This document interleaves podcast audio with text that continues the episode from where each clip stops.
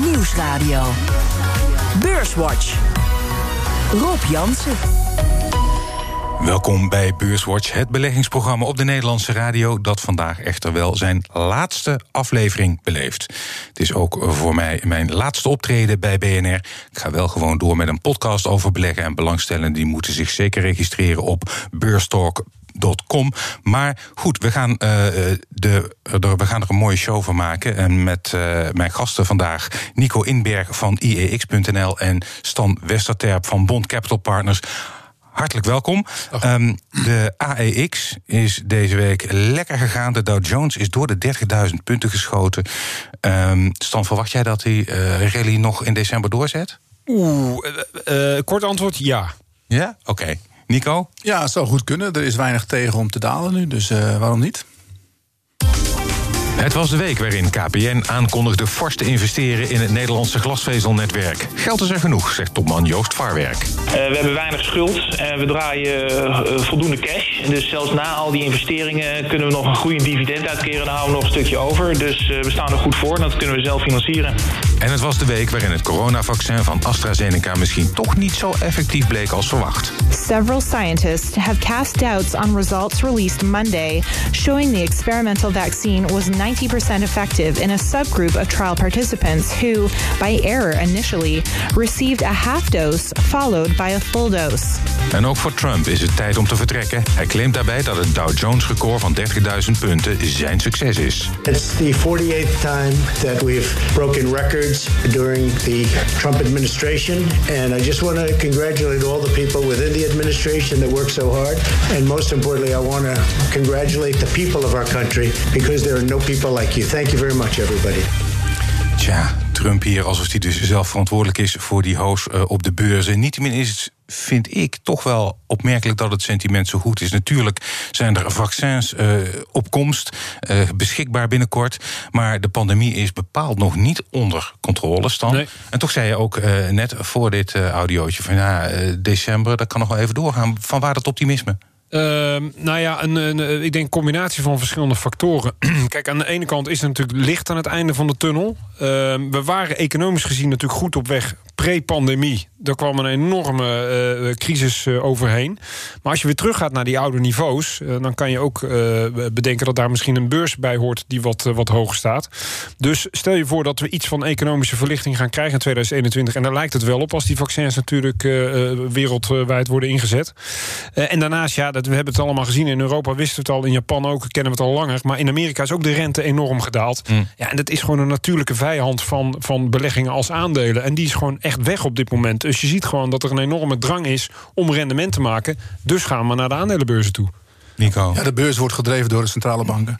En we zien nu dat het perspectief is. Dat is ook hartstikke belangrijk. Hè. Er komt een vaccin, dus de economie, daar gaan we vanuit. Die gaat weer, weer terug in zijn naar normaal, zou ik maar zeggen. Nou ja, je zag ook aan de aandelen die nu teruggekocht worden. Want het is de, de, de rally van de laatste weken zie je heel veel aandelen die echt zwaar onder druk lagen. En waarvan iedereen dacht: van, nou, daar wordt nooit meer wat.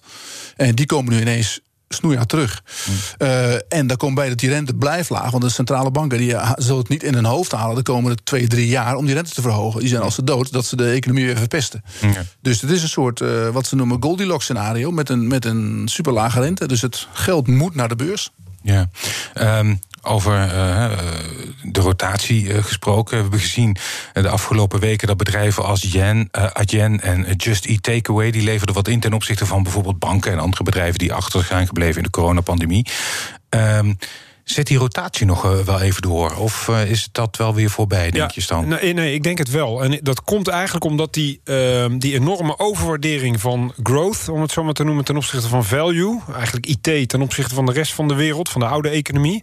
die is al jarenlang aanwezig... en die is door corona eigenlijk alleen maar versterkt. En nu krijg je voor het eerst een, een, een klein beetje een rotatie te zien. Maar als je waarderingen simpelweg tegen elkaar af gaat zetten... en, en zeg maar de groeiscenario's... dan is het niet zozeer dat ik denk dat de IT heel hard naar beneden zal komen. Maar wel dat ik denk, er zijn nog inderdaad sectoren die nog verder kunnen herstellen. Waar het nog wel interessant kan zijn om geld in te allokeren. En niet op stratosferische waarderingen staan. En inderdaad dan in ja, de, de, de sectoren die, uh, die je net noemt. Ja, wat denk jij, Nico? Nou ja, technologie blijft gevraagd. Want die, die, die hebben natuurlijk een, je hebt, je hebt een enorme versnelling gezien in de digitalisering. Maar die gaat niet meer weg. We gaan, we gaan niet meer terug naar hoe het een jaar geleden was. Op dat gebied online. Uh, online eten bestellen bijvoorbeeld. Ja, dat heeft een enorme push gehad. En, uh, en dat blijft. Mensen die daarmee in aanraking kwamen, die weten nu hoe handig het is en die blijven dat doen. Ja, maar um, de, als ik jou goed begrijp, Stan, de rek is er wel uit. Uh, maar de waarderingen zijn heel erg hoog ten opzichte van de enorme versnelling in de groei die we hebben gezien door corona, inderdaad. Wat. Nico zegt, dat klopt. Die zal zo meteen iets minder zijn. Dus ik verwacht dat de appetite voor de echte groeiaandelen zeker afgezet in de waarderingstermen ten opzichte van de value, zoals we dat noemen, dat die rotatie nog wel even door gaat zetten in 2021. Ja, nou, het is logisch dat er, er zal nu meer geld gaan naar achtergebleven aandelen. En dat zijn per definitie al de value-aandelen. En de, de, ja, je kan het geld maar één keer beleggen. Hè. Dus het, het, er, gaat, er gaat minder geld gealloceerd worden naar tech. Maar die bedrijven aan zich, die, die hoeven het niet minder te gaan doen. Want die, die hebben het goed. Ja. En uh, de achterblijvers worden nu opgepikt. Tenminste, als het allemaal doorgaat. Hè, als het, het vaccin begint te werken en, en wij ons goed kunnen redden straks. Ja, um, uh, wat ook aan een aardige comeback uh, bezig is, is olie. De olieprijs en ook oliegerelateerde aandelen. Het lijkt even alsof de energietransitie uh, ja, genegeerd wordt. of misschien volgens beleggers uh, minder uh, snel zal gaan, Stan. Ja, um, ik, ik heb er altijd mijn vraagtekens bij. Die energietransitie, tuurlijk, die is er en die kan je ook niet ontkennen. En die is ook nodig. Alleen dat gaat niet van de een op de andere dag. Dat gaat mm -hmm. decennia duren voordat we, voordat we zijn waar we zouden willen zijn... of zouden moeten zijn, om het zo maar te zeggen. Zeg geloof niet zo in die hele versnelde... Nee, nee, nee, nee zeker niet. Nee, nee, nee. Als je ook kijkt puur naar, naar gebruik gewoon nog steeds van van, van fossiele brandstoffen... Uh, dan zou het mij niks verbazen als we in 2021 weer gewoon op het niveau terecht gaan komen... als waar we in 2019 hebben gezeten. Mits inderdaad, dan komt hij weer, die vaccins natuurlijk wereldwijd worden ingezet.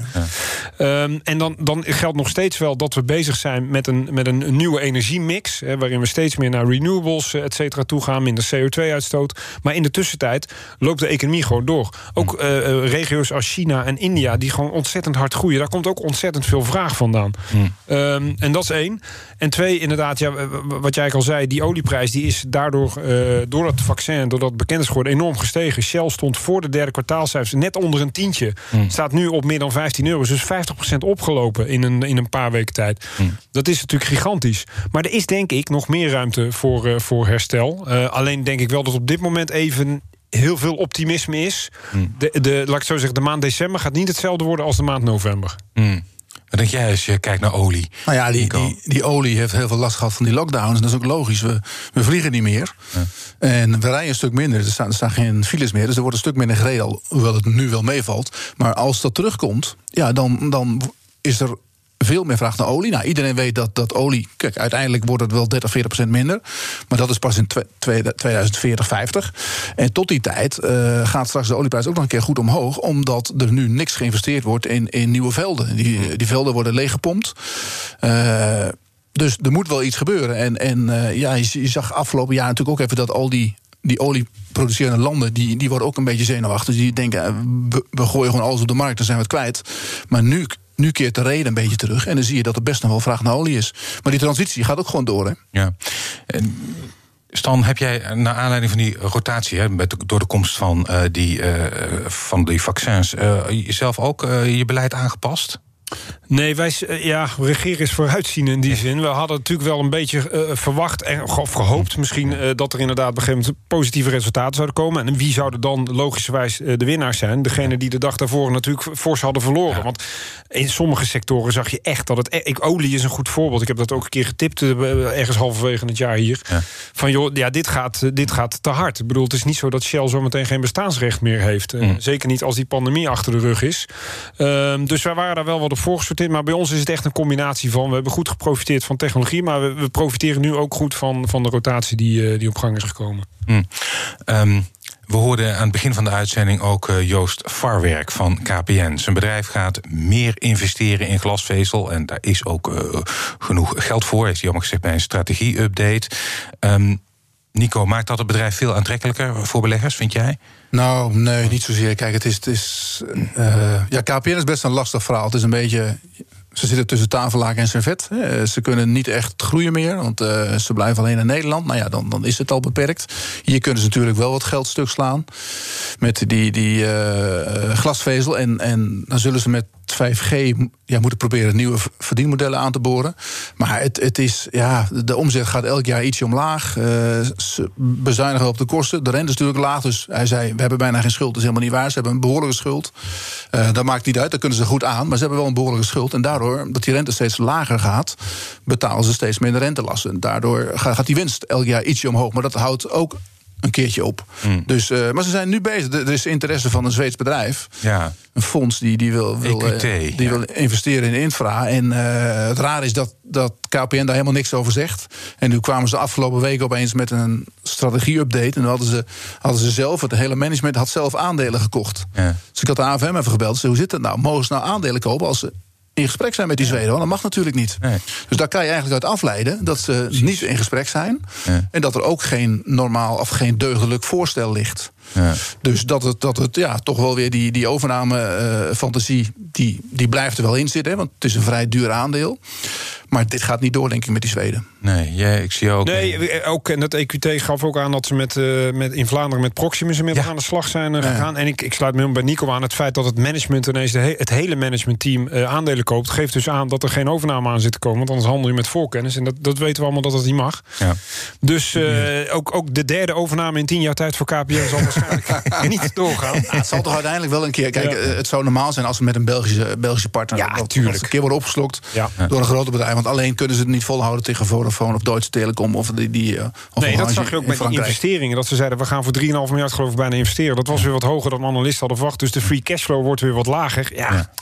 Dat is als een kleine, relatief kleine Nederlandse speler blijft dat gewoon heel erg lastig. Dus consolidatie, dat, ja, dat zal gewoon een keer ook hier door gaan zetten waarschijnlijk. U luistert naar Beurswatch, de allerlaatste Beurswatch... met uh, Nico Inberg van IEX.nl en Stan Westerterp van Bond Capital Partners. Voor we verder gaan maken we even de balans op van de afgelopen week. De AEX die sloot vandaag op 611,7 punten. Dat is 1,7 procent hoger dan vorige week. Stijgers. Op 1. De grootste stijger deze week was Unibuy Rodamco Westfield met een plus van 12,9 procent. Op 2 ArcelorMittal met een plus van 10,2 procent. En op 3 ING met een plus van 9,1 procent. Midcap aandeel dat het best presteerde deze week was BAM. De aannemer kreeg er 33,5 procent bij. Dalers. Op 1 DSM met een min van 4,5 procent. Wolters Kluwer verloor deze week 3,5 procent. En op 3 ook een uitgever Relax met een min van 3,1 procent. En in de midcap was de grootste daler deze week WDP met een min van 2,6 procent. En de AX is deze week drie van de vijf handelsdagen hoger gesloten. Um, Uh, ik wil even beginnen met Proces. Die staat niet bij de grootste stijgers van de AEX, althans niet in de top 3. Uh, we kregen deze week uh, 2,5% bij. Op cijfers, ja, die in ieder geval op, op beleggers geen indruk maakten. Maar het bedrijf heeft wel geprofiteerd van de groei in maaltijdbezorging.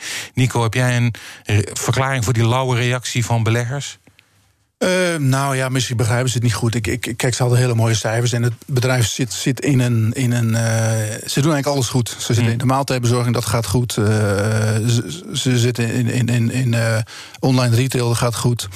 ze zitten in payments, dat gaat goed. Dat, dat groeit hard. En ze hebben Tencent. Het is enorm. daar hebben ze een heel groot belang in. Dat is een heel sterk Chinees bedrijf en groot.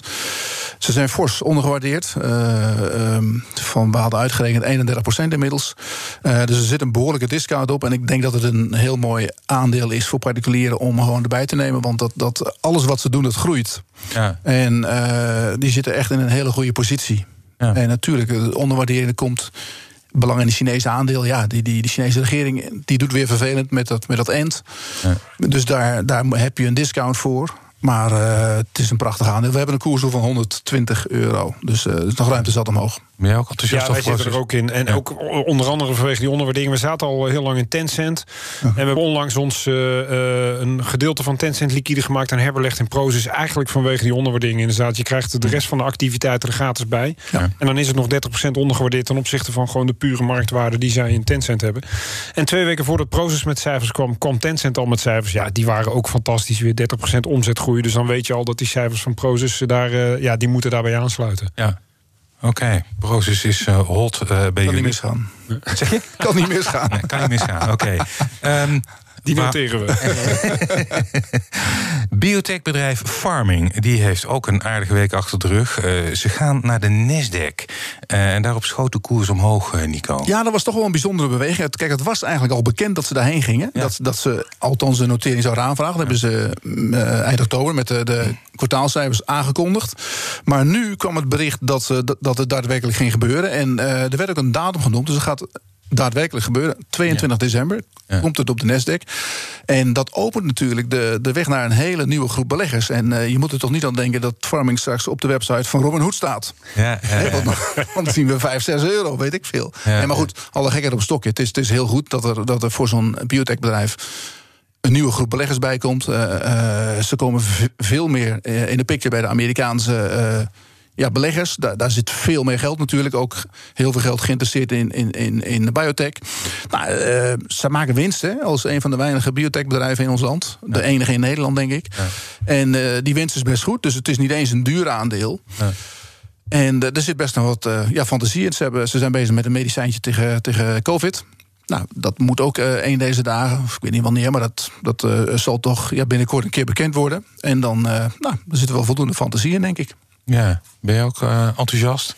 Je bent meer van, eh, van eh, Galapagos, eh, Ja, herinner ik me nou ja, kijk, net zoals bij ieder biotechbedrijf... de kost gaat voor de baat uit. En Simon de Vries, de CEO, is ook echt al decennia lang... met de pet rondgegaan bij aandeelhouders. Dus er zit een bepaalde historie achter. Ja. Maar ik ben het met Nico eens dat als het naar de Nasdaq gaat... dan komt er een andere gro- groep beleggers die er waarschijnlijk naar gaat kijken.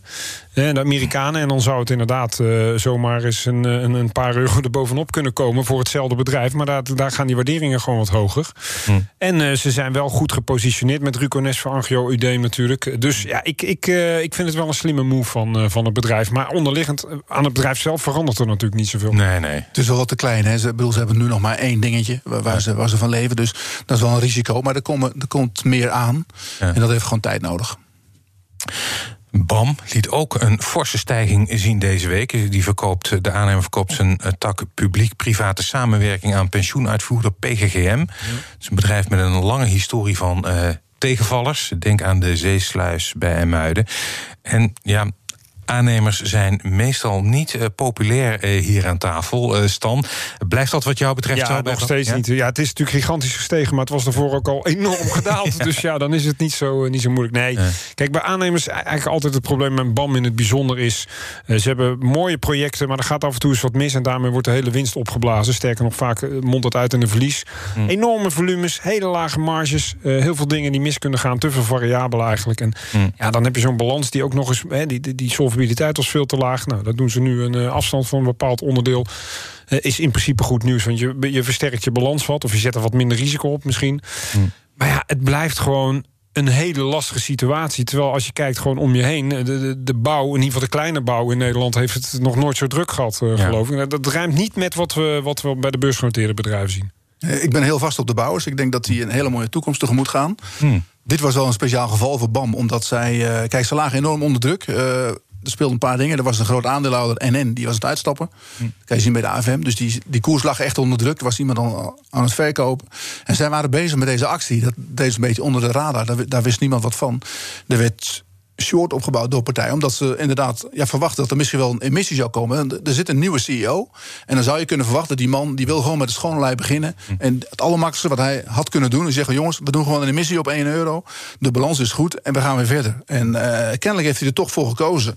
om de aandeelhouders ja, te sparen. En te zeggen van, nou, we gaan dat niet doen. We gaan het op, op een andere manier oplossen. En dit is een, een, een- een hele mooie eh, prijs hebben ze voor gekregen. Dus die solvabiliteit die, die is nog niet goed, maar die zit in ieder geval nu op 15% En al die, al die partijen die short zaten, moesten terugkopen. En dat heeft een enorme impact op die koers gehad. Want die, ze stonden van de ene op de andere dag. Dit gebeurt op maandagochtend, hè? Dus die mensen zijn nog niet echt wakker. Ja. En dan krijg je dit voor je koker. Ja, dan sta je natuurlijk met, met 8-0 achter. Dus die, die moest als een gek alles terugkopen. Ja. En eh, ja, het zal nu wel de komende week misschien wel een klein beetje terugzakken. Maar dit is wel voor BAM heel goed nieuws. En nu moeten ze inderdaad ophouden met het verklooien van projecten. maar de, de, de, de woningbouw in Nederland, de, er moeten 1 miljoen woningen bij in Nederland de, de komende 10 jaar. Nou, dat moeten zij gaan doen. En er moeten gebouwen ver- verduurzaamd worden in Nederland. Dat moet binnen, geloof ik, nu in twee jaar, geloof ik. Moeten al die gebouwen moeten een ander label hebben. En dat moeten zij ook allemaal doen. Dus er komt ontzettend veel werk aan voor die, eh, die sector. Ja. We zijn alweer bijna aan het einde van de uitzending. En dat betekent dat jullie een uh, tip mogen geven. Dus sterker nog, daar, eh, de, de, de luisteraar zit gespitst op zijn stoel uh, voor de tip. Stan, wat is jouw tip nou, voor de luisteraar? Als ik even de ruimte mag nemen, ik wil dan ja. Twee tips geven. In eerste instantie, dit is natuurlijk de allerlaatste uitzending van Beurswatch. Dus ik zou in ieder geval jou hartelijk willen bedanken... voor al die prachtige jaren die we hier gehad hebben. En mijn eerste tip is dan ook natuurlijk... blijf naar Rob Jansen luisteren via beurstok.com... en de podcast die daarom komen want dat, uh, dat zal je zeker geen windeieren leggen. En als tweede, uh, om echt een tip te geven, heb ik toch even nagedacht. Ja, ik ben, ik ben normaal wat meer van de voorzichtige tips, zeg maar. Maar ik denk het, uh, het sentiment waar we nu in zetten, het feit dat technologie hot is, beursgangen zijn hot. We krijgen een hele grote beursgang in Amerika, Airbnb in december. Uh, Booking, een soort van concurrent, is alweer enorm hoog gestegen. Zelfs hoger qua koers dan voor, voor de crisis. Terwijl de omzet natuurlijk wat minder is. Ehm, als dat sentiment zo blijft, dan denk ik dat Airbnb nog wel eens een hele mooie beursgang zou kunnen worden. En een prachtig platform uiteraard. Airbnb. Ja, Rob, ik wil jou natuurlijk ook bedanken. Ook, denk ook namens alle luisteraars, want je hebt een hele vaste schare luisteraars opgebouwd. Die zullen je misschien missen, maar als je doorgaat met je eigen project, dan, dan uh, ja, blijf je gewoon behouden voor ons. Dus dat, ja. dat uh, ten eerste. Tips, ja, ik heb natuurlijk weer genoeg. Maar uh, ik zat een beetje te, te kiezen. Denk, ja, aan de ene kant PostNL en B-Post. Hè, die, die gaan een, een ontzettend goed kwartaal tegemoet. PostNL heeft uh, de prijs voor een pakketje met een, met een kwartje verhoogd. Als het een beetje uitkomt, wat ik, wat ik denk, dan uh, ja, scheelt dat 8 cent per aandeel aan winst dit jaar. Gewoon, hmm. gewoon 8 cent per aandeel, één kwartaal. Dus dat, dat, is, dat is leuk. Uh, en ik had het net over de bouwers. Ik vind, kijk, we hadden het over BAM. BAM die, die heeft het moeilijk. Maar Heijmans, die heeft het allemaal al achter de rug. Die hebben in 2017 deze ellende gehad. En die, die gaan nu voor het tweede jaar op rij 1,40, 1,50 per aandeel verdienen. En ze hebben nog geen dividend uitgekeerd. Dat hadden ze willen doen, maar dat moesten ze vasthouden. Hebben ze vastgehouden. Mm. Dus daar, dat, is, uh, dat is een fantastisch aandeel, denk ik. En ik, ik zie dat echt richting 12 tot 15 euro oplopen. Dankjewel. Nico Inberg van IEX.nl en Stan Westerterp van Bond Capital Partners. Jullie waren te gast inderdaad in de allerlaatste Beurswatch. En bij deze wil ik ook u, de luisteraar, van harte bedanken voor het luisteren en de overwegend positieve reacties die ik op het programma heb mogen ontvangen. En niet in de laatste plaats ook aan de andere gasten die in Beurswatch optraden, die iedere vrijdag hun borrel moesten laten schieten om hier op te treden. Het was mij eer en een plezier om het programma met jullie te maken. En ja, het is al vaker gezegd, maar zelfpromoties, uh, daar moet je, dat is nooit genoeg. Uh, zoals gezegd, ik ga wel gewoon door met inderdaad een podcast over beleggen, vergelijkbaar met Beurswatch. En wie op de hoogte wil blijven, die kan zich dus uh, registreren op beurstalk.com. Dus misschien blijf ik wel bij het afscheid. Tot volgende week.